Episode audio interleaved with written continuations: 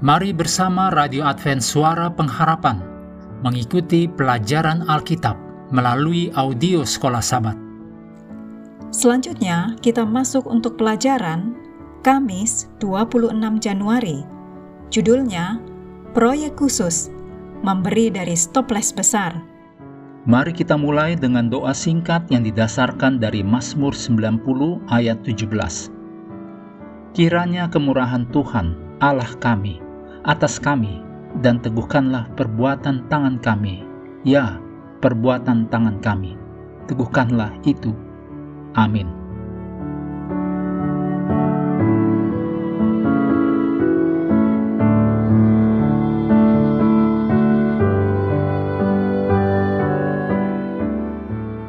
Penelitian menunjukkan bahwa hanya sekitar 9% aset manusia yang dapat segera dijadikan uang dan dapat dikontribusikan sebagai persembahan pada saat diberitahukan.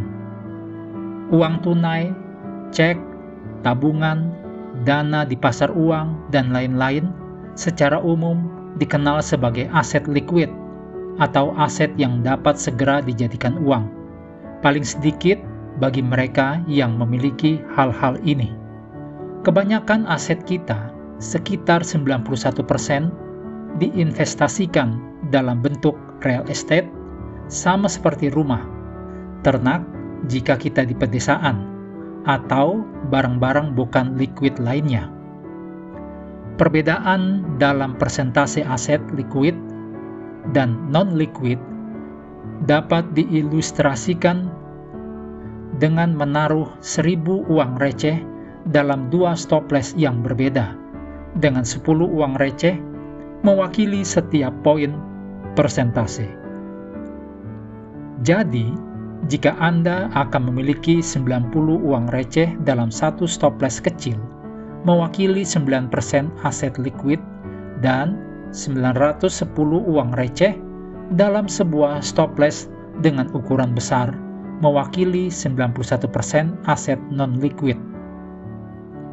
Kebanyakan orang memberi persembahan atau kontribusi mereka dari stoples yang kecil dari aset liquid mereka. Ini adalah yang mereka miliki dalam rekening giro atau buku saku mereka. Tetapi, ketika seseorang benar-benar tertarik tentang sesuatu, dia akan memberi dari stoples yang besar. Kitab suci menceritakan banyak cerita yang demikian dalam Markus 14 ayat 3 sampai 9 dan Yohanes 12 ayat 2 sampai 8 mencatat mengenai tokoh utama pada pesta Simon yaitu Maria Magdalena meminyaki kaki Yesus.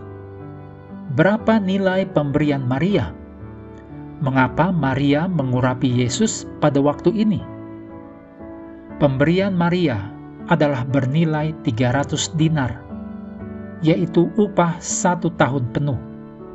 Sepertinya itu adalah pemberian dari stoples besar.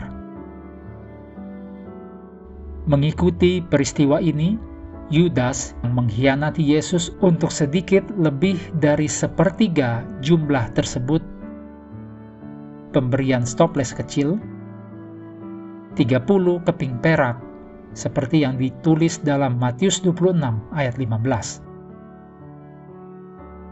untuk dapat memberi dari stoples besar dari investasi-investasi kita. Itu menuntut kasih dan komitmen yang sejati. Tetapi manakala kita serakah seperti Yudas, kita dapat menjual jiwa kita untuk sesuatu yang sia-sia. Pekerjaan dan aktivitas Barnabas disebutkan 28 kali dalam perjanjian baru kita mengenalnya terutama sebagai teman seperjalanan Rasul Paulus dan sebagai seorang misionaris yang besar. Tetapi dasar dari semua ini ditetapkan pada ayat pertama di mana dia disebutkan. Dalam kisah para rasul 4 ayat 36 dan 37, kita membaca tentang pemberiannya. Sesungguhnya satu persembahan stoples besar suatu contoh yang sangat kuat dari perkataan Yesus yang dicatat dalam Matius 6 ayat 21. Karena di mana hartamu berada, di sana hatimu juga berada. Mari renungkan bahwa pemberian pengorbanan sama pentingnya kepada si pemberi dan si penerima. Mengakhiri pelajaran hari ini, mari kembali kepada ayat hafalan kita dalam Mazmur 116 ayat 12 sampai 14. Bagaimana akan kubalas kepada Tuhan segala kebajikannya kepadaku? Aku akan mengangkat piala keselamatan dan akan menyerukan nama Tuhan, akan membayar nasarku kepada Tuhan di depan seluruh umatnya.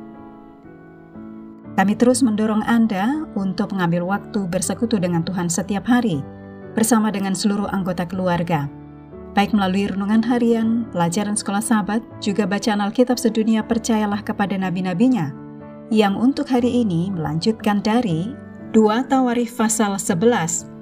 Tuhan memberkati kita semua.